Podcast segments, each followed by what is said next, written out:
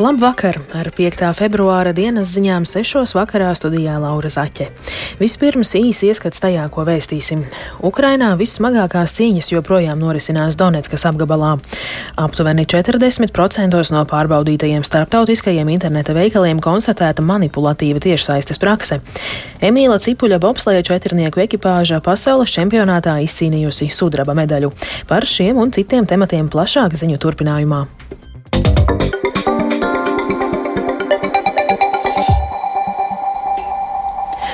Ukrainas aizsardzības ministrs Oleksijas Rezņikovs nākamnedēļ varētu pamest savu amatu, bet par viņa pēcteci iespējams kļūs izlūkdienesta vadītājs Kirilo Budanovs, tā vēsta mediji. Šobrīd tiekot apsvērts, uz kādu amatu Rezņikovu pārcelt, jo prezidenta kancelējā neviens nešauboties, ka viņam jāpaliek komandā. Tikmēr frontē smagākās cīņas joprojām norisinās Donetskā, īpaši Bahmutā. Plašāk stāsta Rihards Plūme. Avoti Ukrainas valsts prezidenta kancelējā un ministru kabinetā norāda, ka tiek apsvērta pašreizējā aizsardzības ministra Oleksija Rezņikova iecelšana tieslietu ministra amatā, bet pašreizējais tieslietu ministrs Denis Smaļusks varētu kļūt par vēstnieku kādā no Eiropas valstīm. Aizsardzības ministriju turpmāk varētu vadīt pašreizējais izlūkdienesta vadītājs Kirilo Budanovs, kurš pēc avotu teiktā gan nevēlas ieņemt šo amatu. Pats Resņikovs komentārā medijām Ukrainska pravda norādīja, ka nav bijušas runas, ka viņam būtu jāpārtrauc savas aktivitātes šajā amatā. Nav skaidrs, vai potenciālā Resņikova nomaiņa varētu būt saistīta ar skandālu, kurā tika atklāts, ka aizsardzības ministrija militāru personām paredzētus produktus iepērk par paaugstinātām cenām. Kamēr augsto amatpersonu posteņus gaida kārtējās pārmaiņas, joprojām turpinās smagas cīņas frontē, Ukrainas austrumos. Situāciju ieskicē Ukrainas prezidents Valdemirs Zelenskis. Ще одне за 346 днів такої війни мені часто доводилося говорити, що ситуація šī kara 346 dienu laikā man bieži nācās teikt, ka situācija frontē ir smaga un ka situācija kļūst ar vien grūtāka. Tagad atkal ir tas laiks, laiks, kad okupanti met ar vien vairāk savus spēkus, lai salauztu mūsu aizsardzību. Tagad ļoti grūti ir Bahmutā, Vuhledarā, netālu no Limanas un citos virzienos, bet tagad, kā katru dienu no šīm 346 dienām, visu izšķir mūsu karavīru izturība, mūsu spēks. Runa nav par Krievijas centieniem un plāniem. Runa ir par mūsu karavīru drosmi un apņēmību. Ir izšķiršķis naših bīcību. Krievija šorīt apšaudījusi Harkivu un Harkivas apgabalu. Viena no ienaidnieka raķetēm pilsētā trāpīja universitātes piecstāvu ēkai un nodarīja nopietnus postījumus, bet otra ielidoja teritorijā pie dzīvojamās ēkas. Cietuši četri cilvēki. Tāpat no rīta apšaudīta Hersonas apgabalā esošā Čornobaivka, nodarot postījumus vismaz sešām ēkām un ievainojot vismaz vienu iedzīvotāju. Ukraina joprojām cenšas nodrošināt arvien jaunas ieroču piegādes no rietumiem, kā arī gaida jau apsolīto ieroču, tostarp tanku piegādes. Vācijas kanclers Olafs Šolts izteicies, ka Vācija kopā ar sabiedrotajiem nodod Ukrainai tankus, lai tā varētu sevi aizstāvēt, un rietumu tanku piegāde neizraisīs jaunu kara eskalāciju. Savukārt Ukrainas aizsardzības ministrs šodien apliecināja, ka Kīva neizmantos no rietumiem saņemtos tālas darbības rādījusi ieročus, lai dotu triecienus Krievijas teritorijai. Tikmēr Vācijas ģenerālprokurors Pēters Franks šodien paziņoja, ka viņa birojas ir savācis simtiem pierādījumu, kas liecina par kara noziegumiem, kurus Ukrainā pastrādājusi Krievijas armija, un ka nepieciešami starptautiski pūliņi, lai vainīgos sauktu pie atbildības. Šobrīd Franka biroja galvenā uzmanība esot pievērsta bučai un uzbrukumiem Ukrainas civilajai infrastruktūrai. Viņš atklājis, ka lielākā daļa pierādījumu iegūta intervējot ukraiņu bēgļus, un ka tagad galvenais mērķis ir sagatavot iespējamo vēlāko tiesas lietu, ko varētu izskatīt vai nu Vācija vai kāda cita valsts, vai arī starptautiska tiesa. Rihards Plūme, Latvijas radio. Ķīnas vidienē vairāku automašīnu avārijā bojā gājuši 16 cilvēki un vairāki desmiti guvuši ievainojumus. Par to šodien paziņoja varas iestādes vietējos medijos pārraidot kadrus, kuros redzamas sadauzītas, saspiestas un apgāstas automašīnas, kā arī degošas kravas automašīnas. Te jau 50 transporta līdzekļi desmit minūšu laikā tika iesaistīti vairākās sadursmēs uz šosejas Hunaņas provincē. Avārijās gāja bojā 16 cilvēki, tostarp 7 no tiem vienā sadursmē, bet vēl 66 seši tika ievainoti. Uz notikuma vietu nosūtīti vairāk nekā 180 glābšanas dienesta darbinieki.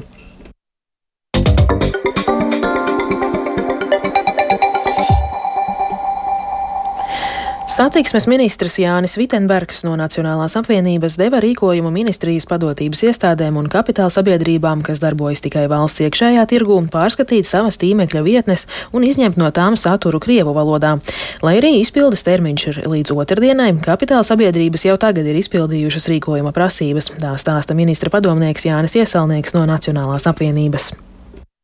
Ministra rīkojuma mērķis bija novērst situāciju, ka satiksmes ministrijas kapitāla sabiedrība mājaslapas, kas darbojās iekšējā tirgu, būtu Krievu valodā, un šobrīd, cik var vērot, tad tās kapitāla sabiedrības, uz kurām tas attiecās, to ir novērsuši. Patiesībā bija tā, ka mēs, kad sākām apkopot informāciju par to, kur tā situācija vispār vēl tāda ir, iestādes jau bez rīkojuma jau daļa jau izņēma to Krievu valodu no savām mājaslapām ārā. Arī interneta veikalos komersanti manipulē ar patērētājiem, cerot, ka pircēji neapdomīgi un impulsīvi veiks darījumus.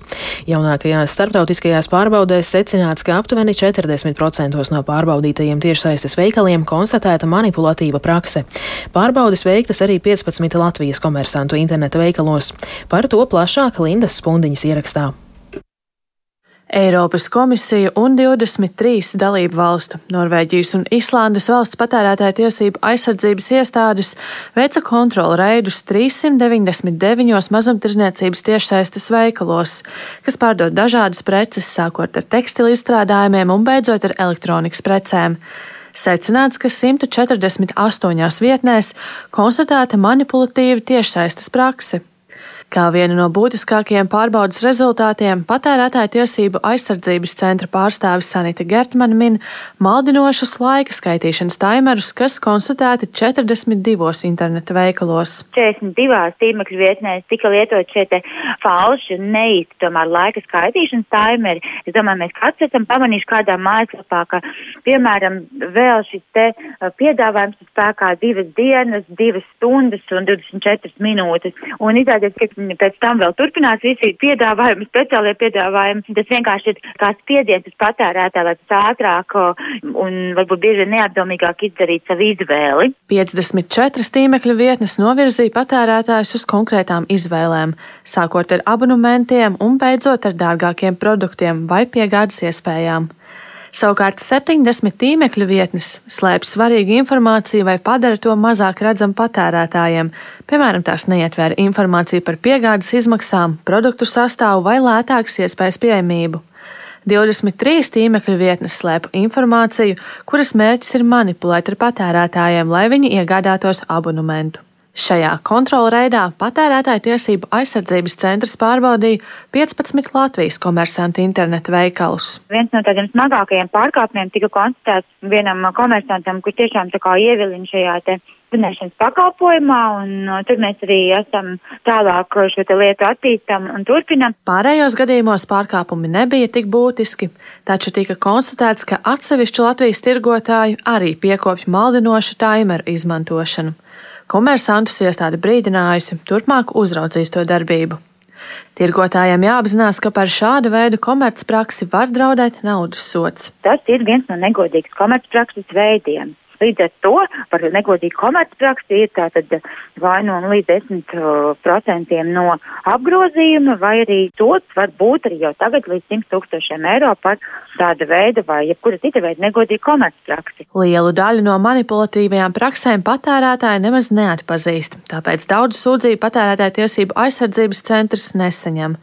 Tomēr patērētājus aicina būt uzmanīgākiem un par šādiem gadījumiem ziņot. Linda Spundiņa, Latvijas radio.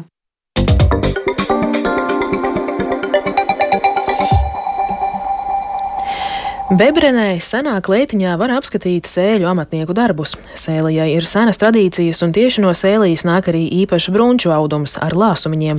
Ekspozīcijā ir arī adīti cimdi seno sēļu rakstos un skatām arī unikāla sēļu vārdu grāmata. Par viesošanos pie sēļu kultūras mantojuma glabātājas Benitas Štrausas stāsta Silvija Smagare. Šeit tāda klētiņa arī ir iekārtota, kur vasarās to izmantot. Gan kā vieta ekspozīcijām, gan vasarās kā atpūtas un naktsmītne kļuvusi senā un atjaunotā klētiņa augšdaļgavas novada Beburnes pagasta dabas parkā Dvietas paliene. Klētiņa, kā izrāda Beburnes pagasta pārvaldes vadītā un ilgadējā te izvietotā informācijas centra gulbju brīvprātīgā darbinieca Benita Štrausa, pārpilna ar sēļu kultūras mantojumu. Cēlies meitas purs, sanie un mūsdienu šīs puses augstzemes rokdarbi gan to, ko sviež laukā, nenovērtējot, gan ko arī mēs paši vēl uzcakojam. Jo bebrenē vēl ir gan audējas, gan adītājs, gan pokamatnieki, gan podnieki, bet to amatu diemžēl neviens nepārņem. Pašreiz ir izstāde cimdu, šīs apkārtnes raksti, senu senie. Jo visas šīs kundzītes, kas te ir savus dzīparus adījušas, nu jau ir viņa saulē, Viens no lielākajiem lepnumiem katrā novadā ir tautu stērpi, sieviešu villainas un jo īpaši brunči. Tādi ar lāsumiņiem ir tikai sēlijā. Ārijas grubērtas pēc vēsturiskiem autentiskiem materiāliem jānodīto tērpu rāda Benita Štrausa. Mums ir audēja, kurai atrod kožu sāstu, villaini vai brunču stērbeli. Viņa arī viņus atveidot spēja. Kundzei 80 gadi, bet šo visu viņa vēl ir saudusi. Brunču audekli mūsu puses ir apmēram 8 bijuši bebrenē dažādi bet visraksturīgākais augšzemē ir šis ar baltajiem lāsumiem. Vēl viena lieta, ar ko lepojas Bebrinē, ir tepat apkaimē tapusī kāda bruņas pērļotā Māras motu josta. Kura ir vienīgā tāda Latvijā matu pīnas josta? Tāpēc, ka kalda bruņa tajā laikā, kad šīs jostas meitas nāsāja, bija Bebrenes pagastā un ilūgstes apriņķi. Sēļu kultūras mantojuma ekspozīcija papildina arī šodienas mākslinieku radītie darbi, kuros atspoguļojas sēļu tautas stērpa motīvi. Brunči ir ieglaznoti arī glaznās. Bebrenes elementu atpazīstat. Un kur nu vēl tā piepildītā lielā lāde ar vietējo apkaimē savākto darinājumu klāstu? Pilna ar to, ko metam laukā. Un katrai viņai ir tāda zīmīte, no kuras mājas nācis, un tas arī saglabāsies, es ceru. Bet mani mazliet satrauc tas, ka manam darbam nav turpinātāju. Un te šajā klētiņā var mierīgi pārlapot un pie sevis izrunāt pašas Benita Štrausas veidoto grāmatiņu ar sēļu vārdiem. Un tā mēs salīdzinām, kurā novadā kas ir līdzīgs. Tā jau latgadījušu valoda. Jā, jā, un tūlīt teiks, aļapšakus pazīst. Līdzība, ja vārdu izrunā latgaliešu valodu, ir smējas Benitam, bet sēļi nav latgaļi. Saglabāt sēļu senču tradīcijas un kultūras vērtības Bebrnes pagasta vietas senlais informācijas centram Gulbji ir viens no galvenajiem uzdevumiem, uzsver šī centra sirds un dvēsele Benita Štrausa. Aicinot izbaudīt te gan gardos sēļu ēdienus, gan mierīgās pastaigas un uzklausīt arī intriģējošo stāstījumu par Bebrnes dzīvnieku bebru un to, kāpēc tieši vietas apkārtne varētu būt par pirmo cilvēku apdzīvoto vietu Latvijas teritorijā. Silvija Smagare, Latvijas radio studijā Latgalē no Sēlijas. Latvijas bobsleja pilots Emīls Cipulis ar stūmējiem Dāvis Priņģi, Matīsu Mīkni un Edgaru Nēmi šodien pasaules čempionāta četrnieku sacensībās izcīnīja otro vietu. Cipulim, Spriņģim un Nēmēm tā ir pirmā medaļa pasaules čempionātos, bet Mīknis 2019. gadā kļuva, kļuva par vicečempionu. Sudraba medaļu Latvijas ekipāža dālā ar Lielbritānijas pilotu Bredu Holu. Par Cipuļa sasniegumu apmierināts ir arī treneris Sandis Prūsis.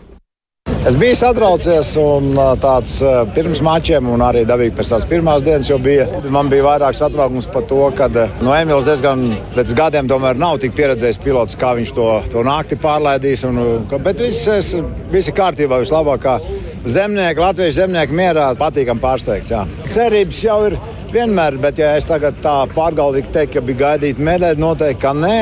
Bet cīņa par sešnieku gan bija gaidīta, un tāda nopietna cīņa. Un, un, un treniņos redzējām, ka labi iet, un tas divnieks arī labi mums skrēja. Nu, respektīvi, Emīls labi brauc. No dienas uz dienu, es teiktu, tā cerība varbūt tās palielinājās.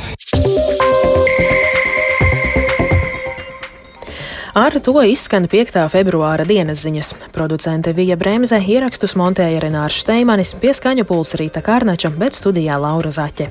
Vēl tikai par laikapstākļiem. Gaisa temperatūra Rīgā šobrīd ir mīnus 3 grādi un pūš dienvidu rietumu vējš 3 m2.